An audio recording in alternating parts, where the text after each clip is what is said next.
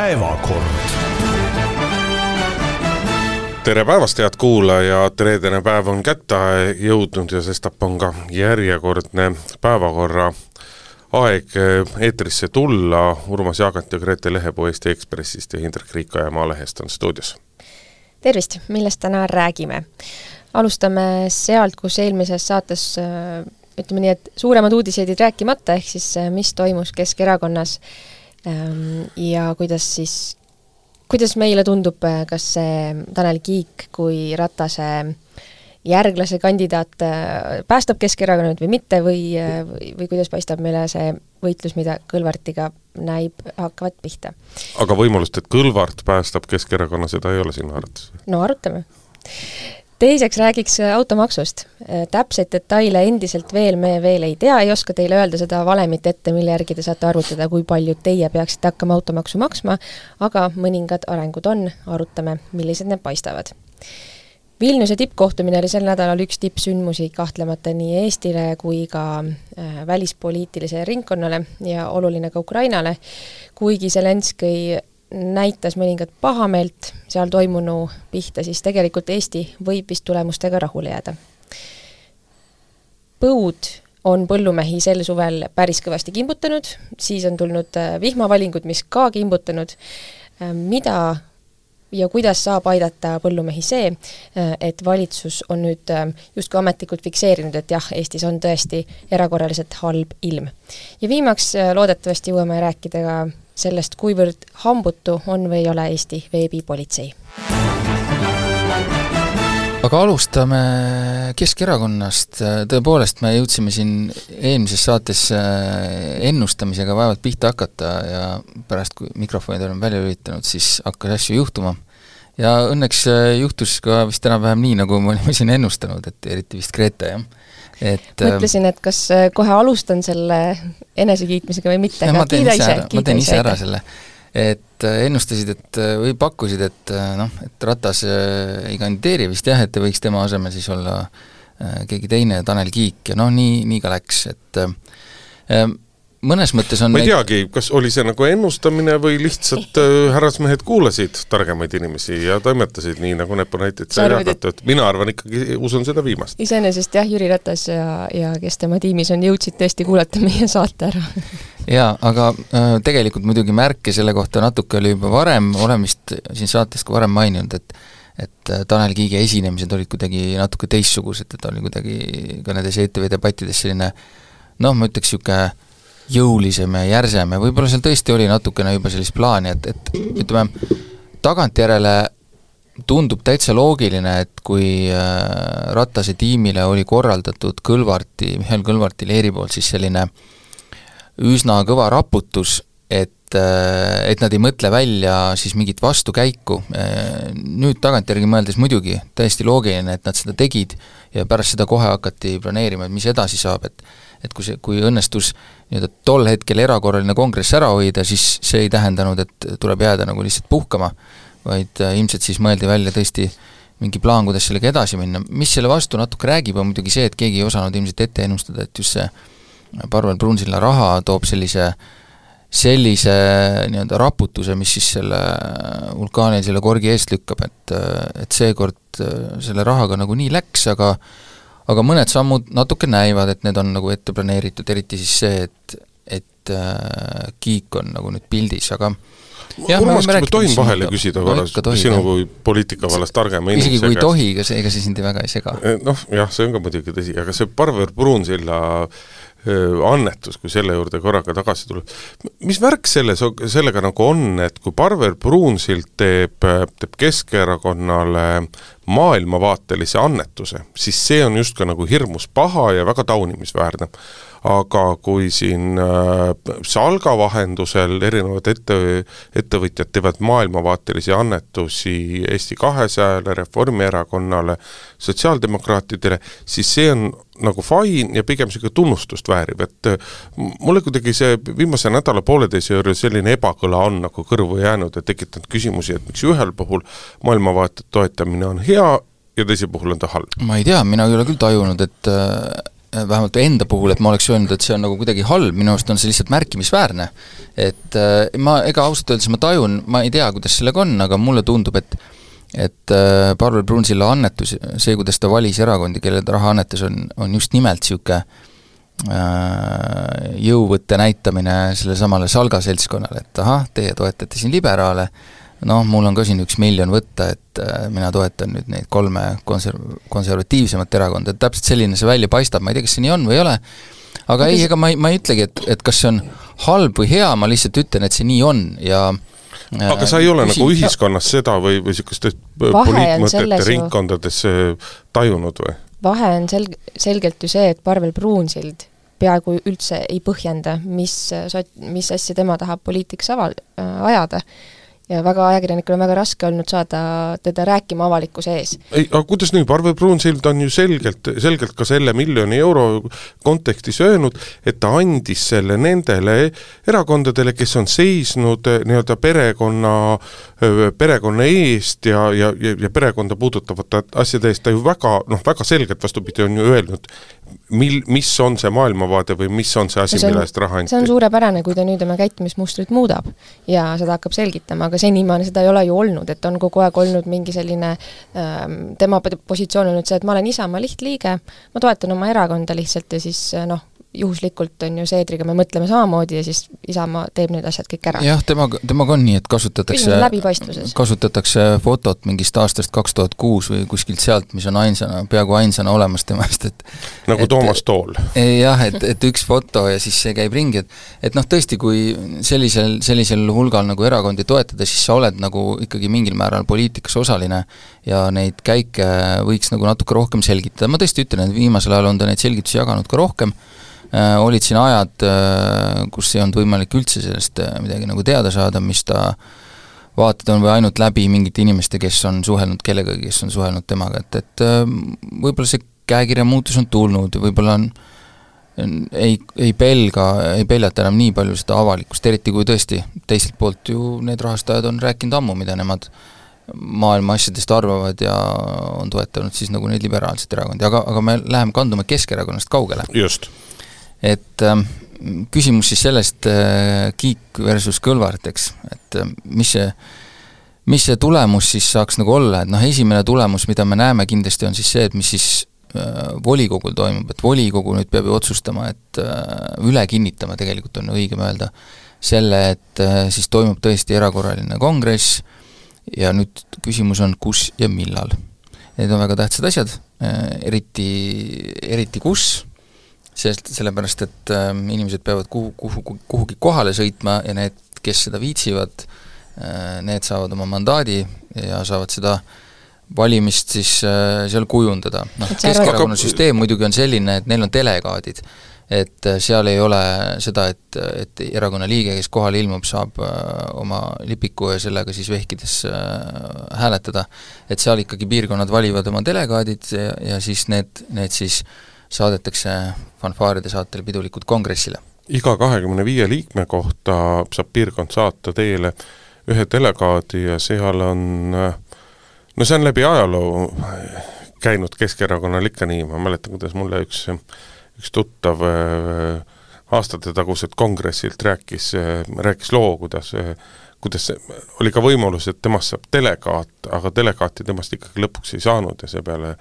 aga lõpuks ikkagi Edgar Savisaar helistas talle ja küsis, et ma kuulsin, et sa vist ei plaaninud minu poolt hääletada.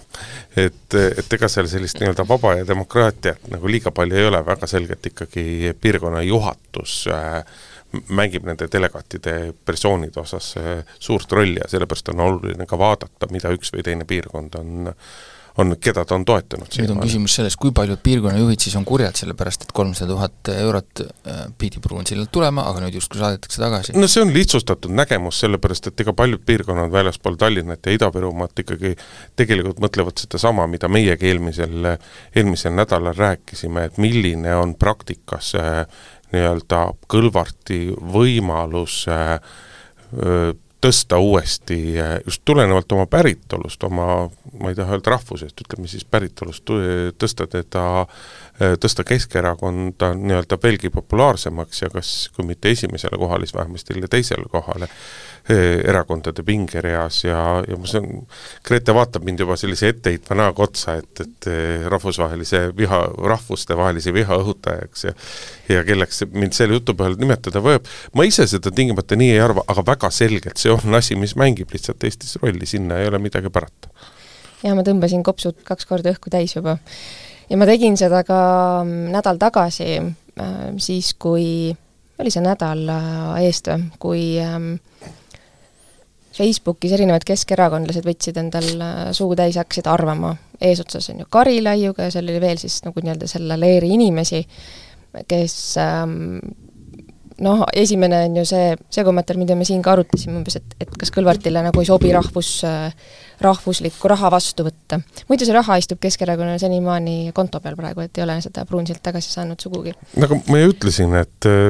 väike tähtajaline hoius kuu aega ja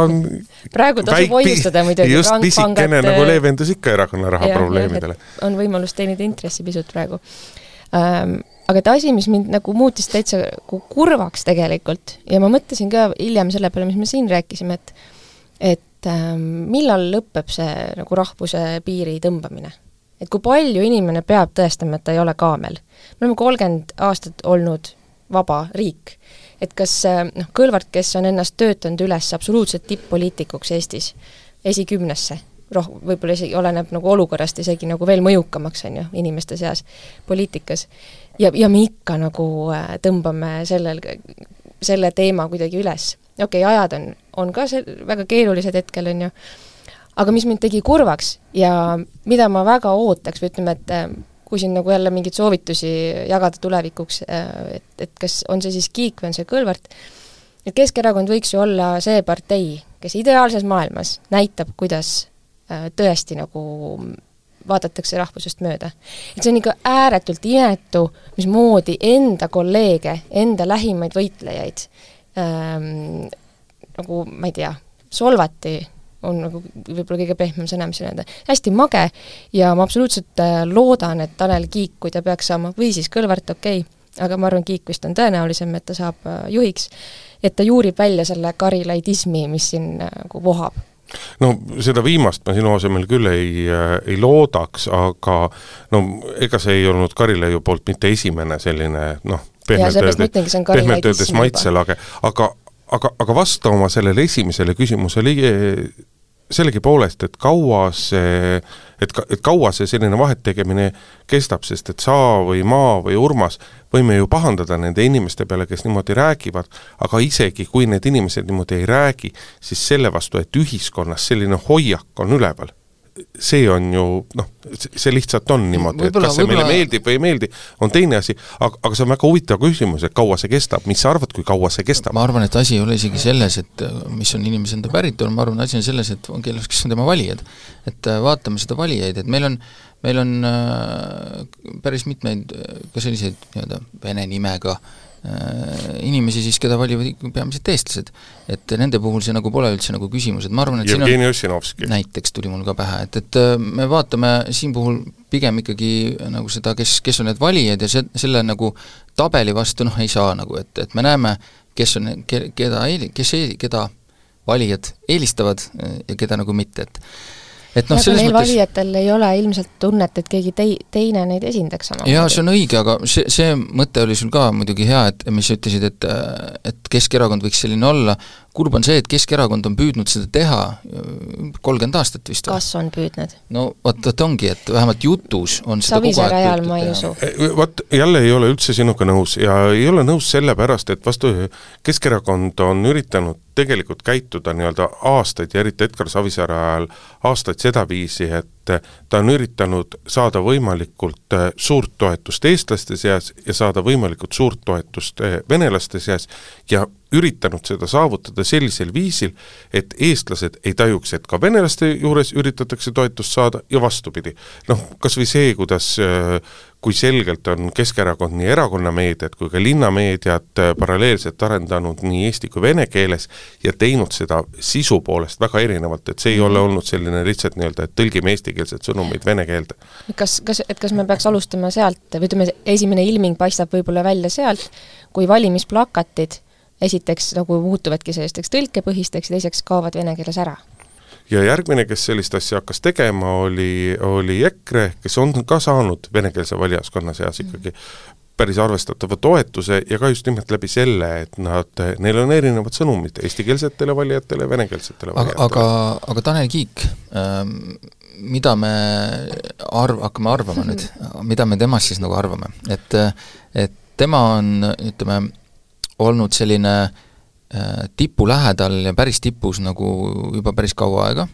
äh, noor inimene saab, äh, mulle tundub, enamiku teiste erakondade tipp-poliitikutega nagu väga hästi läbi, sest et noh, kõik saavad aru, et tegu on mõistliku inimesega, ja kellel on ka nagu nutti piisavalt, et mõelda välja vahel selliseid ebaharilikke poliitilisi käike, kellel on nii-öelda sellist poliitilist nägemist nüüd, mis, mis toimub ka teistes erakondades ja kontakte, nüüd on küsimus, kas see nagu Keskerakonna valijaid või Keskerakonna liikmeid õi-, õieti nagu huvitab, et, et meil oleks niisugune tugev strateegiline, taktikaline juht, kes äh, oskab võib-olla erakonda äkki liigutada äh, noh, lähemale positsioonile, kust võiks paista, ma ei tea, valitsuse koht? mina mina julgen teha selles mõttes ennustuse, et äh, minu jaoks Tanel Kiik on ka väga sümpaatne, väga mõistlik tegelane, tegelane, nii palju kui suhtlemist on olnud, alati on väga meeldiv olnud. aga kui temast saab nüüd erakonna, erakonna esimees, siis, äh, siis on poliitilises mõttes olemas kaks äh, kaks Tanel Kiike, ehk Tanel Kiik kuni august kaks tuhat kakskümmend kolm ja Tanel Kiik alates august kaks tuhat kakskümmend kolm, sest et see senine Tanel Kiik äh, kes, keda me teame poliitilises elus, ma ei usu, et ta on erakonna juhina väga edukas, aga ma usun, et, et temas on nii-öelda nagu piisavalt palju sellist äh, arusaamist äh,, mõistust ja taiplikkust selleks, et saada aru, kuidas ta peab käituma ja mida ta peab tegema selleks, et olla ka e-, edukas ka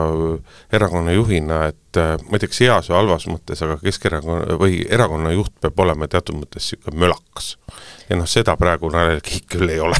ära räägi nii koledast tulev-, tulevikust mina, mina küll ei taha melakas Tanel Kiike, mina tahan just seda mina Tanel Kiike, kes on äh,, kuidas, kuidas me koroona ajal teda iseloomustatigi, et et hästi kiire peast arvutaja, et selle aja peale, kui epidemioloogid oma mudeleid panid kokku, siis temal oli juba see umbes peast ära arvutatud pabernurga peal, mis need Äh, nakatumisnäitajad saavad olema. jaa, aga kui me meenutame, siis ta neid asju alati kuigi hästi oma ministeeriumis läbi suruda ei suutnud. no see on juba see sinu lemmikteema, ametnike ei,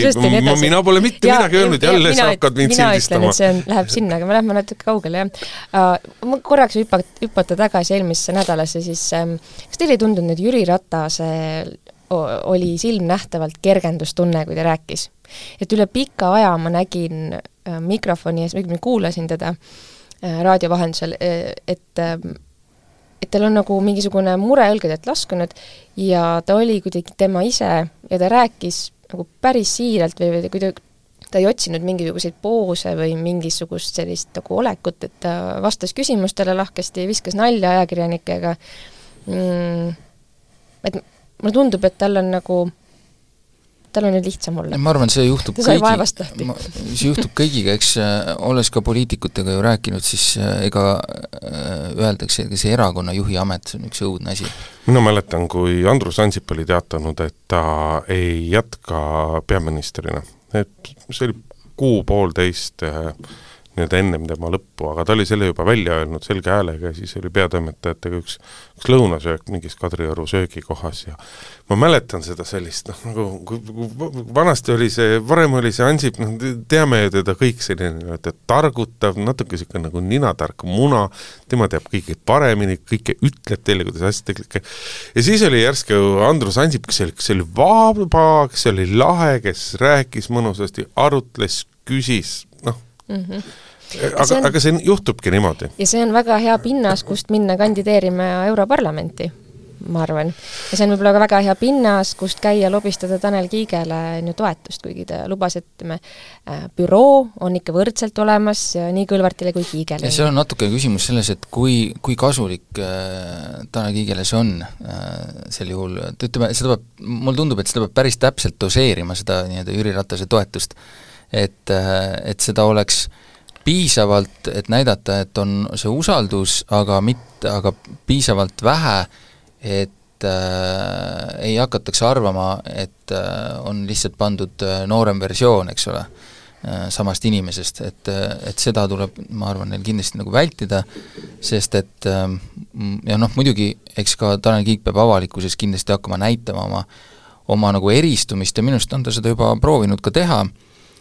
kuigi väga raskeks läheb tal sellega just selle koha pealt, et tal, tema, ütleme, tema vaatest lollisti kukkus välja see, et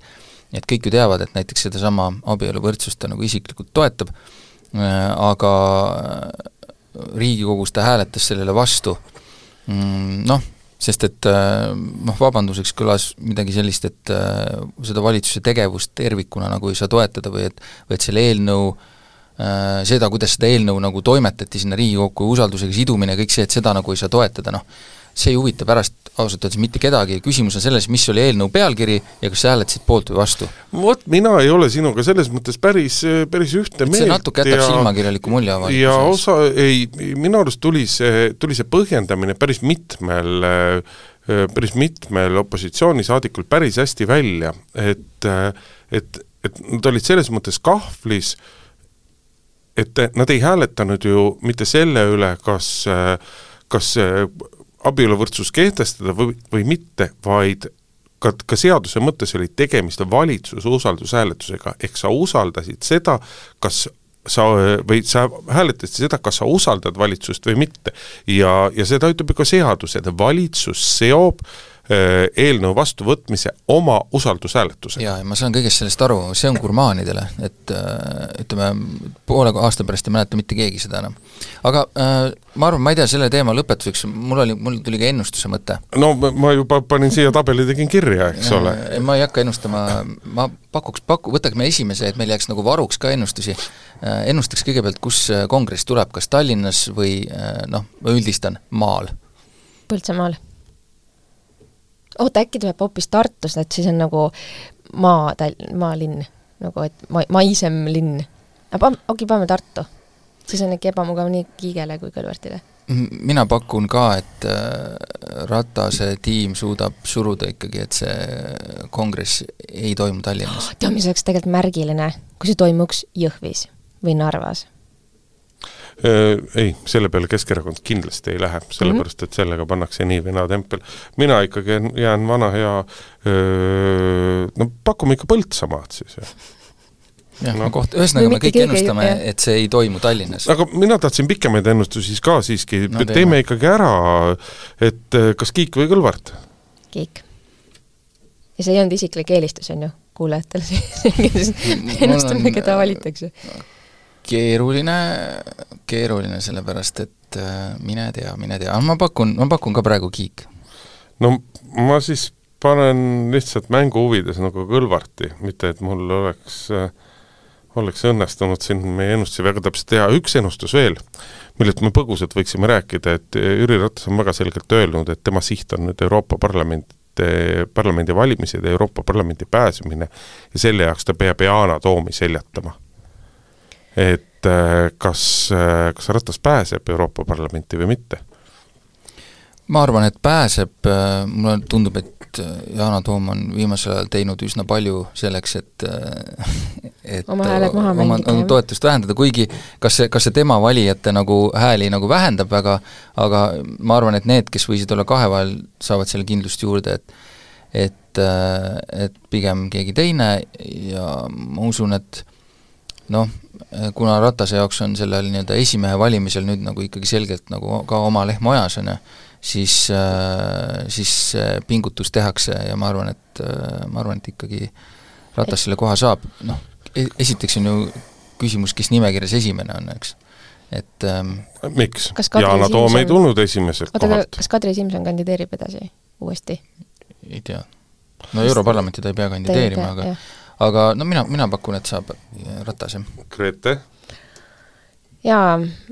Urmas enam-vähem kirjeldas ära minu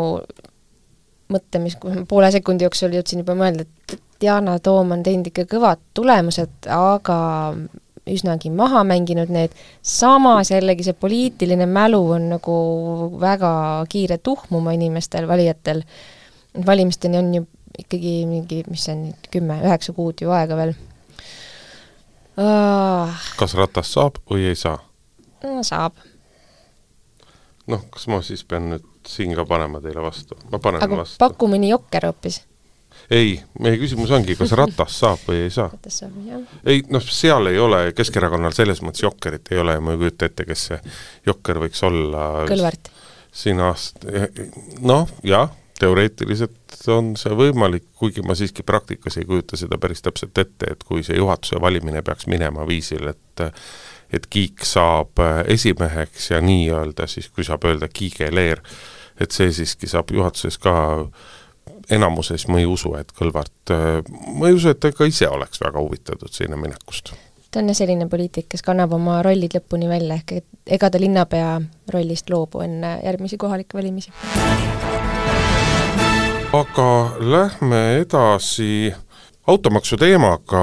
järgmisel nädalal peaks siis see äh, ausalt öeldes ei saanudki päris täpselt aru, kas Rahandusministeerium avaldama või Reformierakond avaldama või valitsuse, valitsus avaldama. Nimelt automaksu väljatöötamise kava ehk VTK, mis peaks meile põhimõtteliselt siis ütlema, siiamaani ei ole salatust tehtud, et automaks ideaalis saab kaheosaline, üks, mis makstakse siis, kui auto ostetakse, on selline paar-kolm tuhat eurot suurusjärgus, kuigi numbrit ei ole tahetud välja ütelda. see kehtib uutele autodele see kehtib uutele autodele mm -hmm. ja edaspidi siis tuleb maksta iga-aastaselt äh, noh, jutt on olnud paarikümnest eurost, aga jutt on olnud mingites kohtades paarisajast eurost, mis võiks olla, mis võiks olla selline nii-öelda aastane automaks ja see nüüd sõltub sellest, kus kohas see auto registreeritakse, ehk kas linnas või maal, kui vana see auto on, millised tema heitgaasinormid seal, üritatakse välja mõelda võimalikult nii-öelda justkui võimalikult keerulist süsteemi, mis ole, mis oleks samal ajal lollikindel, et ei tekiks seda efekti, et kõik inimesed edaspidi registreerivad oma autot sisse, ma ei tea, Kapa-Kohilasse ja, ja kuhu iganes, sellepärast et kuna Tallinnas ja teistes suuremates linnades on autosid liiga palju, et siis on oi-oi kui paha, see ja sinna kehtib kõrgem maks mina ootan äh, suure huviga seda VTK-d, et äh, lihtsalt selgituseks, et VTK on, ongi selline nii-öelda seaduseelnõu väljatöötamise eelne nagu dokument, mille siis, mille mõte on siis see, et, et äh, saada aru mitu olulist asja, esiteks, mis on probleem, mida hakatakse lahendama, millised on kõikvõimalikud lahendusvariandid millel, mi-, mis on nende plussid ja miinused, ja mis siis sealt jääb peale ja millised nagu mõjud sellel kõigil võiksid olla, et et siin ei tasu üldse alahinnata seda küsimust, et mis probleemi lahendatakse, see võib tunduda hästi lihtne, aga tegelikult sõltub sellest väga palju, mida millist lahenduskäiku nagu valida, et, et see, mida probleemi sina, lahendatakse? see, mida sina praegu kirjeldasid, noh, ma proovisin samal ajal nagu mõelda selle probleemi peale, mina näen, et siin püütakse kahte asja korraga, ehk siis üks asi on see, et kliima või saastamise vähendamine ja teine asi on ikkagi peidetud varamaks. selles mõttes, et kui, kui kas sa ütlesid neid tähtsuse järjekorras? mitte tingimata, lihtsalt selle nii-öelda autode öö, registreerimise puhul öö, mulle tundub, et see on ikkagi mõeldud selleks nagu luksusmaksuna selle põhimõtteliselt ikkagi, et et siin on ju, on see küsimus, et, et kui mul on, ma ei tea, mitte mul, aga ütleme, mõnel inimesel on näiteks viis või kuus autot, noh, ta ei sõida ju nendega ometi kõigiga korraga, on ju, ta saab sõita ainult ühega korraga, mis tähendab, et saastab konkreetselt see üks, millega ta sõidab, ülejäänud ei saasta sel hetkel et äh, sel juhul milleks neid teisi maksustada, aga kui neid ka hakatakse maksustama, siis on selge, et seal tegelikult tahetakse maksustada ka nagu vara omamist. aga seda ei ole tahetud tegelikult väga niimoodi välja öelda, et see on see on nagu varamaks, pigem räägitakse just sellest saastamisest, aga mulle tundub, et siin püütakse nagu kahte asja korraga, et, et kuidas see seal VTK-s sõnastatakse, see probleem, see annab meile nagu otsad kätte, kas need lahendused, mida praegu on nii-öelda moka otsast välja käidud, et kas need ka vastavad sellele probleemile, sest et noh, avalikus sektoris seda ikka tuleb ette, et lahendus on ammu olemas, aga on vaja leida probleem, millele see külge panna. et see siis pea, peaks sealt VTK-st välja paistma, et kas see, kas see probleem on nagu ikkagi ära tabatud minu arust sa lähened sellele küsimusele idealistlikult, sellepärast et äh, rahandusminister Võrklaev on ju väga selgelt öelnud, et automaksu eesmärk on teenida riigile juurde lisatulu, et vähend-, täita riigikassat ja ja vähendada riigieelarve puudujääki, aga täpselt niimoodi on ta öelnud, kui sa võtad viimase, viimase nädala Võrklaeva väljaütlemisi, kus ta on rääkinud nii-öelda justkui põhimõtetest, aga mitte läinud liiga täpseks, mida see VTK siis sisaldab, siis ta ei räägi seal kuskil suurt midagi. Pool, napilt poole sõnaga sellest, et et kuidagi üritame nii-öelda keskkonnaeesmärke eesmärke täita ja nii edasi, ja ega sellel on ka tegelikult täiesti oma põhjus, miks ei taheta rääkida nii-öelda esimeses otsas keskkonnamõjudest ja kõigest sellest, sellepärast et siis äh, nii-öelda kaob sul võimalus äh, maksustada ka elektriautosid või, või maksustada elektriautosid kõrgemalt, sest et tänasel hetkel ikkagi valdav osa elektriautodest on kallima otsa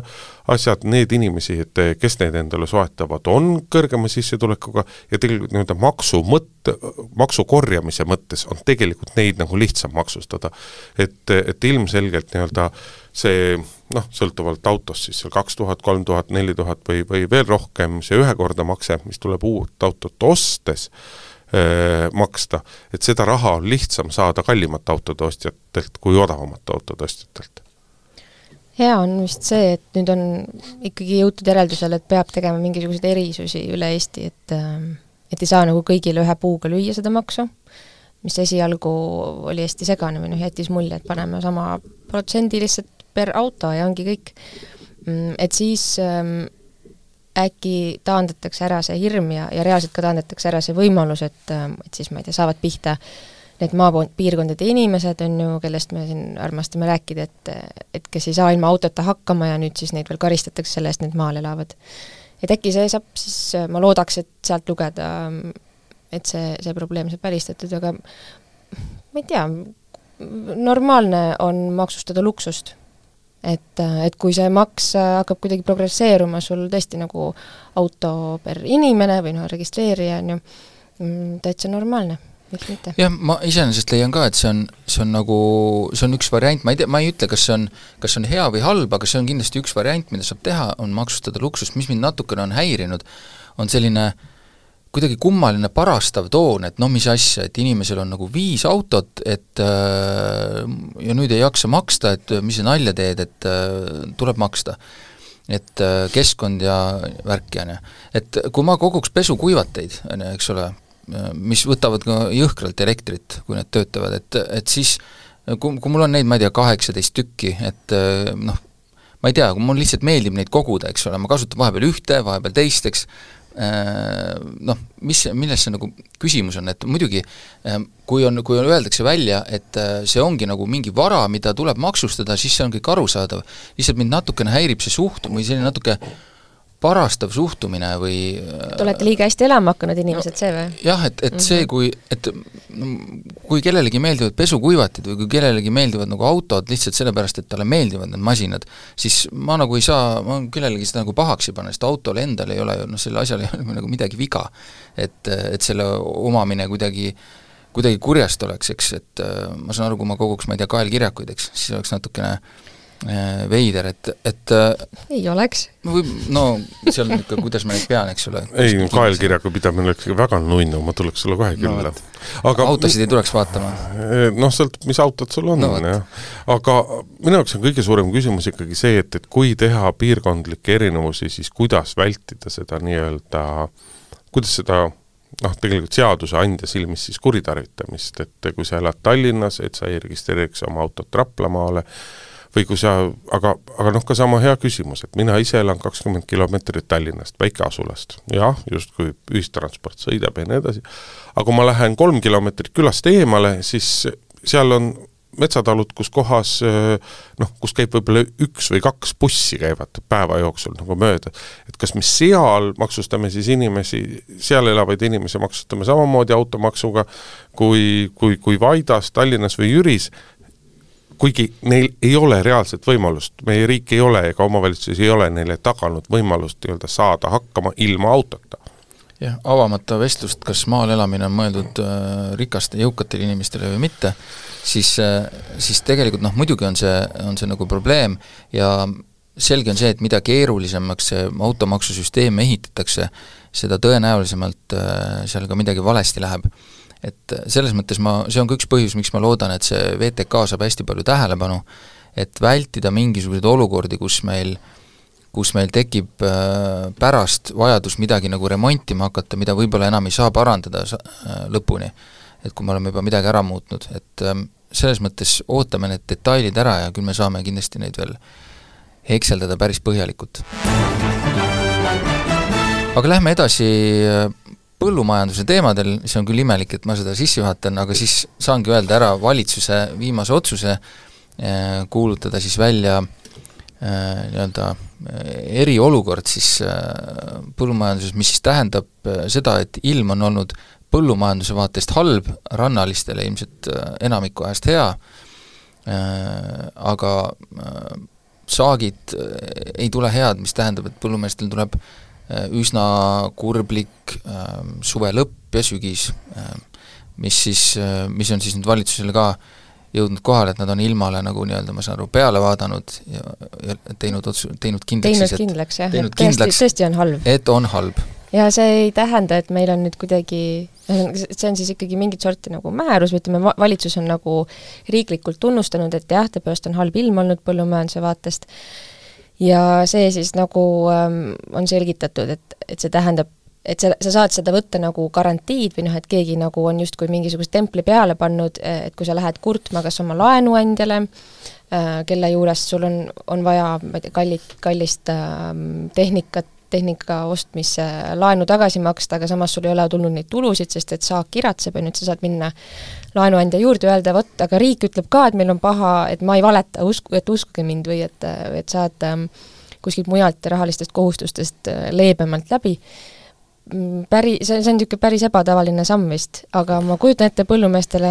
noh, see, see on nagu niisugune patsutus õlale, et jah, me kuuleme sind, aga sellest ju nagu suurt tolku ei ole tegelikult või? tead, vaata see on pooltõde, sest et kui, kui ka pärast valitsuse otsust läheb, läheb keskmine põllumees äh, panka oma liisingu või laenu tagasimaksete üle rääkima, siis seal see nii väga suurt rolli ei mängi, aga paljudele põllumeestele veelgi olulisem on erinevad, erinevad toetused, mis nad on saanud äh, nagu riigi vahendusel või riigi käest, kus on äh,, kus kõigil nendel toetustel on need ikka armastatakse rääkida justkui nagu põllumehi kul-, kullataks lihtsalt rahaga üle, aga tegelikult nii-öelda kõik toetused, mis põllumeestele makstakse, need on seotud väga selgete tingimustega ja suure osa toetuste puhul võtavad põllumehed ka nagu väga selged kohustused, mida nad peavad täitma ja kui nad ei suuda seda täita, siis tuleb toetused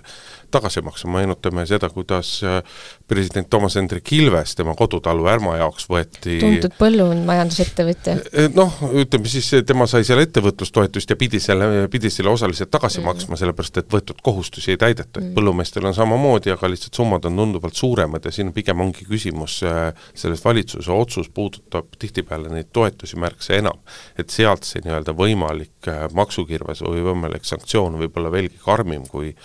kui, kui pangaga, sest et noh, pank,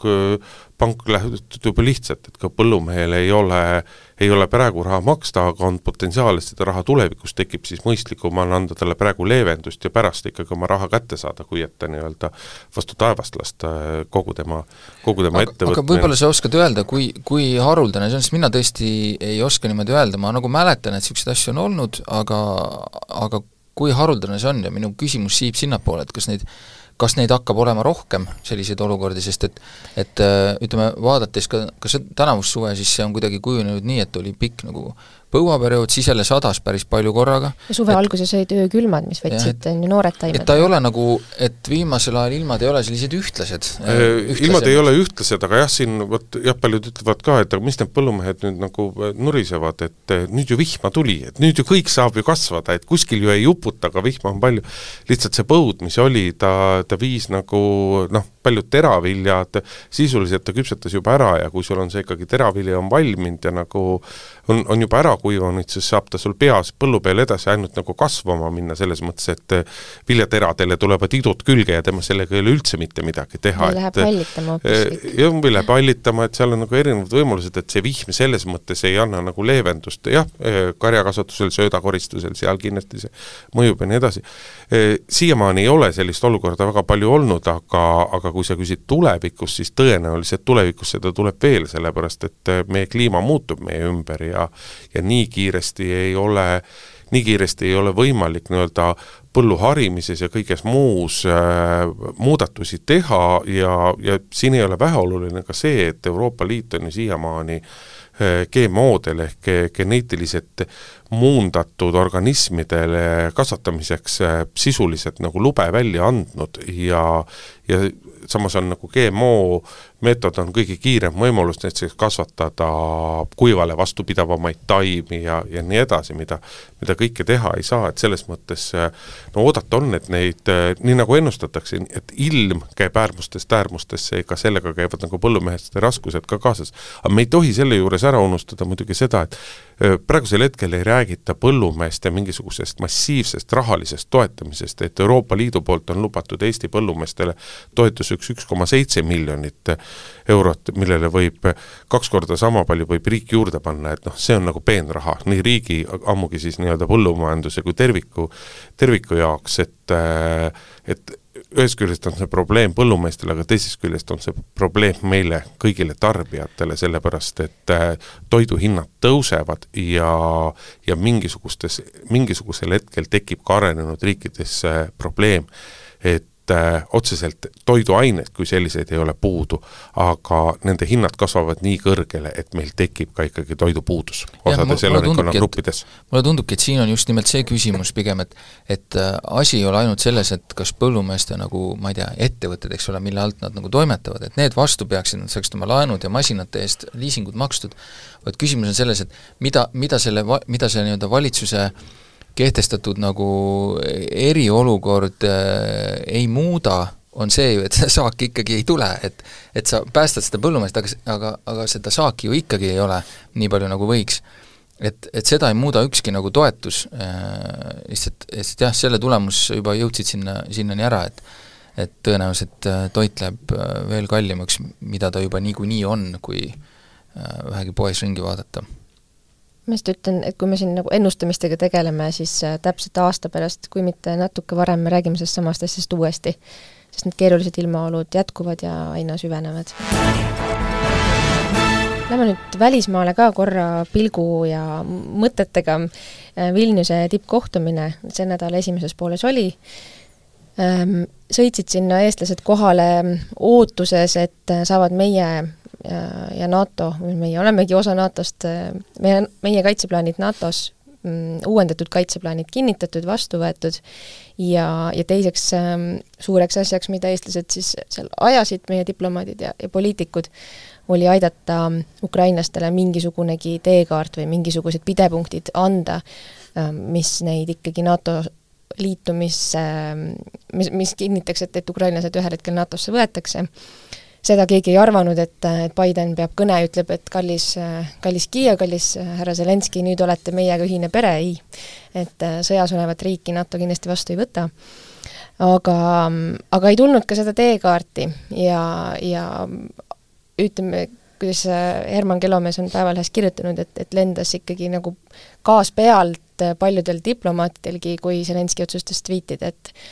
säutsud, et, et ei, oma pettumust näidata äh, kogu maailmale. et mis asja me sinu ma kujutan ette, see poliitikute diplomaadi tunne võis olla, et me ju, me, me higistame omal äh, kõik pintsakud seljast ja me väga püüame. ja siis sa lihtsalt tuled turtsud kõigi peale, et, ähm, et meil ei ole enam, äh, meil ei ole neid retoorilisi relvi enam, millega nagu veenda näiteks siis Saksamaad ja USA-d, et miks ja, miks ja kuidas edasi aidata. Jaa, Eesti, Eesti jaoks, Eesti sai ennast jälle väga heast küljest näidata kindlasti. Ähm,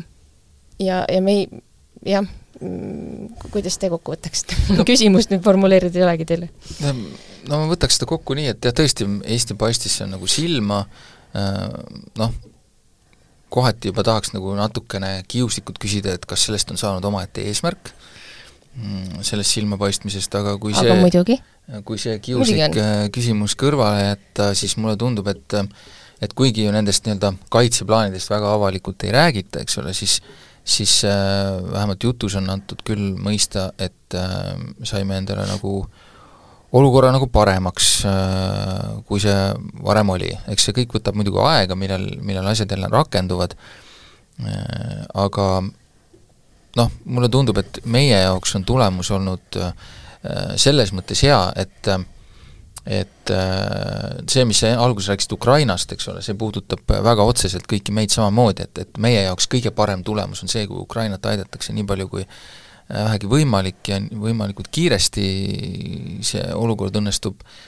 paistab, et muud varianti enam ei ole, kui jõuga ära lõpetada see sõda seal, siis see on muidugi meile nagu kõige parem, aga ütleme, seal kõrval mm, mulle tundub, et meie nagu piirkonnal läheb nagu hästi, osad peab muidugi kindlasti tänama ka Poolat, kes on selline ikkagi, vahepeal ikka vaatad äh, seda sellist kauboi käitumist, mis, millega nagu Poola, no eks neil on ka jõudu selleks, nagu riigi suuruselt ja rahvaarvu poolest ja ka armee suuruse poolest, aga see, kuidas kuidas nagu Poola võtab seda nagu sellist äh, noh, kuidas ma ütlen siis, materiaalset nagu liidri rolli äh, et vahel on niimoodi, et teod tulevad enne kui sõnad järgi, mida poliitikas üldiselt juhtub väga harva, siis äh, noh, selles mõttes võib öelda, et nagu see meie ploki või sellise meie maailma nurgakese selline jõuõlg on kindlasti paranenud ja ka lääneliitlaste abiga paraneb nagu edasi ma arvan, et see, et Eesti ennast ikkagi näitab ähm,, no see oli aasta tagasi ka oli umbes äh,, oli aruteluks et äh, kas me nüüd peaksime natuke oma bravuuri tagasi võtma, et kui me iga kord märkisime ära, kui kas soomlased või, või ameeriklased ütlesid, et jah, me oleks pidanud teid kuul-, no soomlased äh, seda ei ütelnud, aga ütleme, lääne-eurooplased, et jaa, vot, oleks pidanud ikka kuulama, teie sellest äh, hirmsast Vene karust olete rääkinud, nüüd me tõesti, jah, teil oli õigus et siis äh, mäletan, Jonathan Seebi Väki Ekspressil ütleski, et see, see ongi selline nagu köielkõnd, et see, sa pead seda fooni kogu aeg üleval hoidma, et vaata, meid, meid tuleb arvestada, me tegelikult ka teame, millest me räägime. ja samal ajal see ei tohi muutuda tüütuks niisuguseks nagu äh, sääseks kellegi, ma ei tea, Bideni kõrva juures näiteks, on ju. aga et, et praegu ma arvan küll, et ei ole vaja võtta gaasi pedaali pealt jalga maha, sest et mõeldes, et äh, USA-s tulevad presidendivalimised ja, ja Bidenil juba praegu sisepoliitiliselt on päris keeruline maha müüa järgnevalt ja järgnevalt uusi relvatarneid või, või rahalisi toetusi Ukrainale sest äh, ameeriklased tahaksid näha mingit suuremat edulugu, on ju, tahaksid juba näha, kuidas Mariupolis lep-, lehviks Ukraina lipp, aga seda ei juhtu, paradoksaalselt sellepärast, et me oleme, või nüüd siis Lääs on äh, oma relvatarneid ja, ja abi ka nagu kogu aeg nagu doseerinud niimoodi üsnagi jah, tagasihoidnud. seda on ju jah, kuidagi kirjeldatud nii, et äh, Ukraina peab sellise nii-öelda läänelikku sõda ilma selle ühe väga olulise komponendi ehk õhu, õhuväeta, eks mm. -hmm. et, et sa, et ja. võimatu on loota sama tulemust, äh, mida nagu nii-öelda lääne doktriinid peaksid siis sellise sõja puhul nägema, kus on kus on sisse arvust-, arvestatud ka nagu õhutoetus. et ühesõnaga, gaas on vaja hoida peal, võib-olla mitte nagu jah, põhjaselt mitte tüütuks muutuda, aga, aga et Ukrainal päriselt on rohkem abi vaja, sest et ega nad ka varsti noh, ei jaksa, on ju, et, et nendel võib-olla ka hakkab see oh, ind või, või kannatus on ju katkema, aga mis neil üle jääb, ega nad sõdivad ikkagi lõpuni. no tegelikult väga oluline oli ikkagi Vilniusest tulnud või Vilniuse kohtumise eel vahetult tulnud siis äh, Türgi presidendi kinnitus, et, et Türgi on võim-, lõpuks ometi valmis äh, ka aktsepteerima seda, et Rootsist saab NATO liige, kuigi mul tekkis ikka vägisi tunne, et huvitav, et kuidas äh, Türgi president siseriiklikult müüb maha selle, et ta päeval ütleb, et et Türgi saab NATO-sse siis, kui, kui teie meid lõpuks Euroopa Liitu võtate ja siis õhtul ütleb, et me oleme ikkagi Türgi NATO-ga liiku-, liitumi-, või vabandust, Rootsi NATO-ga liitumisega nõus, aga mis puudutab seda sellist suhtumist Ukrainasse ja, ja, ja Ukraina enda suhtumist, siis siis Toomas Hendrik Ilves, meie, meie president, üle-eelmine president siis, kui ma õigesti president jääb ikka presidendiks. president jääb presidendiks, jah. on Päevalehele täna ühe intervjuu andnud ja siin ta on selles mõttes päris hästi välja toonud seda, et et milline, et, et, et kuidas see on selline nagu jube kahe otsaga asi ja ühest küljest ta ütleb, et mina ei kujuta ette, kuidas saab nõuda riigijuhilt, kelle riigi ellujäämisele pakuti kahe tuhande kahekümne teise aasta kahekümne neljandal veebruaril kolm päeva, et ta peaks teisiti käituma, siis kommentaariks sel-, Zelenski väljaütlemistele ja kriitikale ja ja samal ajal ta ka samas jällegi tõdeb, et samas mingi noogutus, et Ukraina väga hindab kõiki neid kümneid ja kümneid miljardeid, mida nii suured kui väikesed on andnud, aitaks aitaks siluda olukorda. aga nad noogutavad ju väga sageli, Zelenski sellesama tippkohtumise lõpuks, ega ta, ta ei läinud sealt nina torssis minema. ta ikkagi tänas ja, ja ütles, et teie abi on meile väga oluline. jaa, aga vaata, seal natukene oli seda, et kõigepealt annan põlvega munadesse ja siis ja. ütlen, et, et, et see on, ma ei tõtta kritiseerima, aga aga ega see ongi selline just seesama, millest teiegi rääkisite, et see on nagu selline peenmäng, et sa, et sa annaksid vastu nina aga mitte nii, et veri väljas ja nina kohe paistes on, aga niimoodi, et ikkagi natuke aru ka saada. ma arvan, et selle nagu tuju teeb halvaks see, et nad ju teavad täpselt, mida on vaja teha selleks, et seda lõpetada. ma, ma arvan, noh, kui see on juba nii kaua käinud, üle viiesaja päeva, ma olen täitsa kindel, et nad, et nad teavad väga täpselt, mida ja kus oleks vaja teha selleks, et see asi lõpeks ära, ma ei tea, kuu ajaga, vähemaga võib-olla isegi ainult et neil ei ole seda ja, ja siis nad käivad neid tükikaupa kauplemas ja, ja nad samal ajal teavad, eks ole, nende oma inimeste elud ja ühel hetkel see lihtsalt noh, ma kujutan ette, kuidas see frustreerib, kui sul on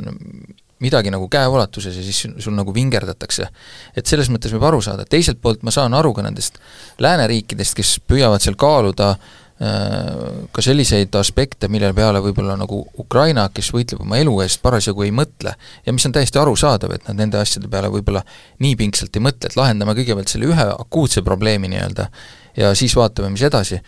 noh, Lääs püüab siin meil alati mõelda kolm-neli käiku ette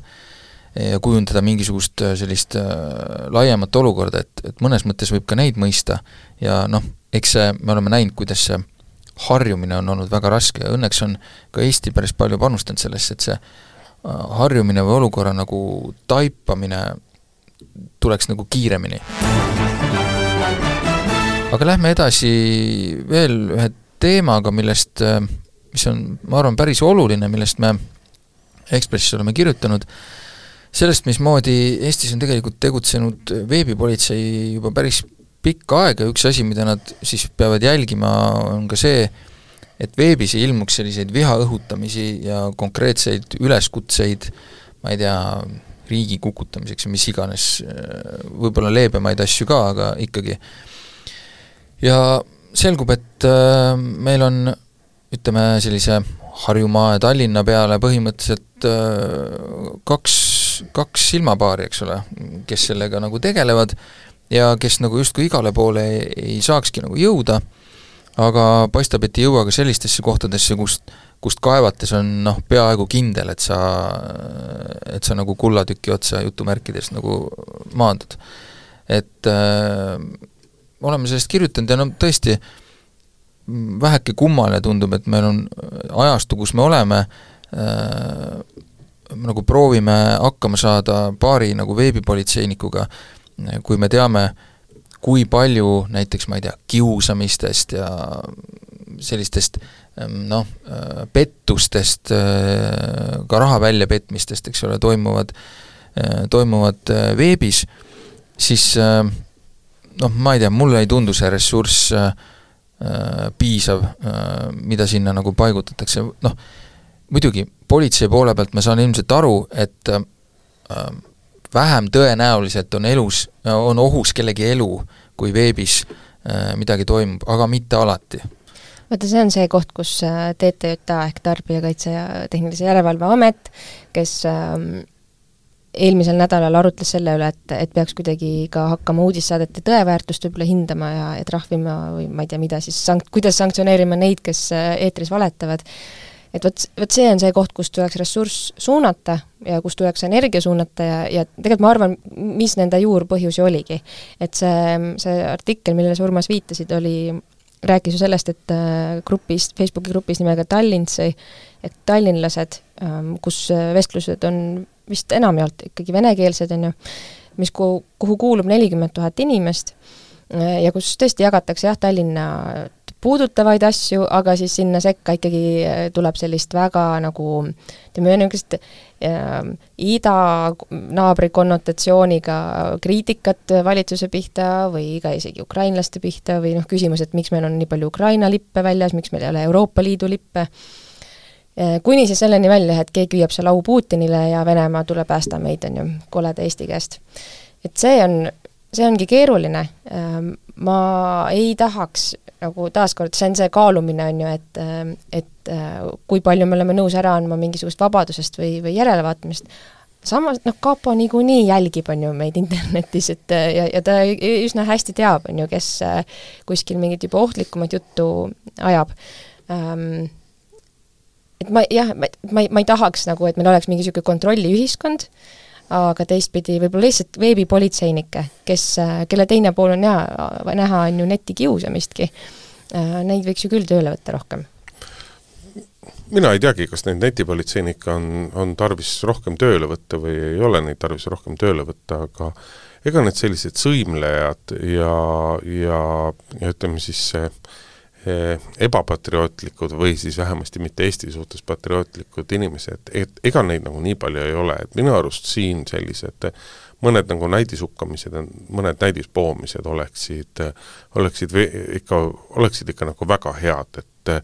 et, et, et kui muudkui on tarvis kogu aeg kirjutada, siis tuleb juhtida sellele tähelepanu ja öelda, et kui sa samas vaimus jätkad, siis sinu koht ei ole siin riigis ja kui, ja kui siis ikka ei ja aga kui ta on Eesti saa, kodanik, mis sa siis teed? et siis ikka noh, aga eks seal on nii ja naasuguseid, eks ole, siis ja, tuleb aga... välja saata ja ega see aitab teisi nagu päris tublisti eh, distsiplineerida, et see ongi noh, tegelikult on ju, see on küsimus sellest nagu riigi nagu julgeoleku hügieenist või kuidas me seda iganes nagu nimetame, et et tuleks lihtsalt mõningastel puhkudel tuleks eh, käituda selgelt jõulisemalt, selgelt otsustavamalt ja, ja, ja see aitab käitub, seda probleemi sa ei näegi neid asju. et kui probleem on ju selles, et ähm, Oota, kude, grupis, kus sul tuleb noh, hästi suurtes gruppides, kus sul tuleb võib-olla mingi kümneid postitusi päevas, sadu kommentaare iga alla, et kas sa jõuad neid füüsiliselt läbi vaadata, see on küsimus no,. selle jaoks on olemas erinevad mootorid, äh, mis kõik veel, et see on rohkem ikka selline nagu tehnilise, tehnilise võimekuse küsimus, mitte inimene politsei ise ütleb, et neil lihtsalt pole jõudu ei, ega neil kahekesi kindlasti ei olegi, aga ma arvan, et, et, et, et siin oleks võimalik nagu midagi, midagi, midagi kindlasti ette võtta ja siin peaks nagu julgemalt ja jõulisemalt käituma, samas jälle muidugi osad inimesed ütlevad, las nad kraaksuvad, las nad lasevad oma auru välja, et ega hukkuv koer ei hammusta. jaa äh,, siin päris saate lõpetuseks võib-olla väike täiendus ka meie teemale, millega me saadet alustasime, et kui ütlesime, et Keskerakond ei ole käinud pangas seda äh, raha tagastamas, see seisab endiselt kontol, siis nüüd on käidud pangas, aga raha tagastatud endiselt ei ole. et äh, Delfis on nüüd pealkiri, kuidas Aas ja Aap käisid tõesti pangas, et aga raha jäeti tagastamata, sest Aas, koolon, minu käsi ei tõuse sellisele rumalusele alla kirjutama äh,. Ei jõua seda siin pikemalt äh, täna ilmselt arutada, aga paistab, et Keskerakond näeb vaeva, et me saaksime iga saade äh,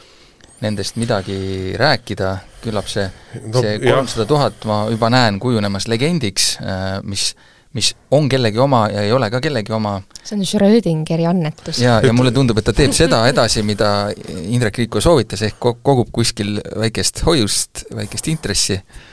kuigi peab ikka ütlema küll, et praeguses olukorras, kus juhatus on nii otsustanud ja, ja kõik see on juba nagu nii kaugele läinud, siis praegusel hetkel hakata nüüd pidurdama hakata nüüd tegelikult, eks ole, mis siis Taavi Aas läheb vastu olla, vastuollu Keskerakonna juhatusega või normaalses organisatsioonis visatakse selline inimene siis välja, et et see rong, kulla sõbrad, see rong on läinud ja kui te nüüd sellest rongist maha ei hüppa, siis te muutute naeruväärseks. Indrek, aga kesknädalat ei saa ju välja anda enam varsti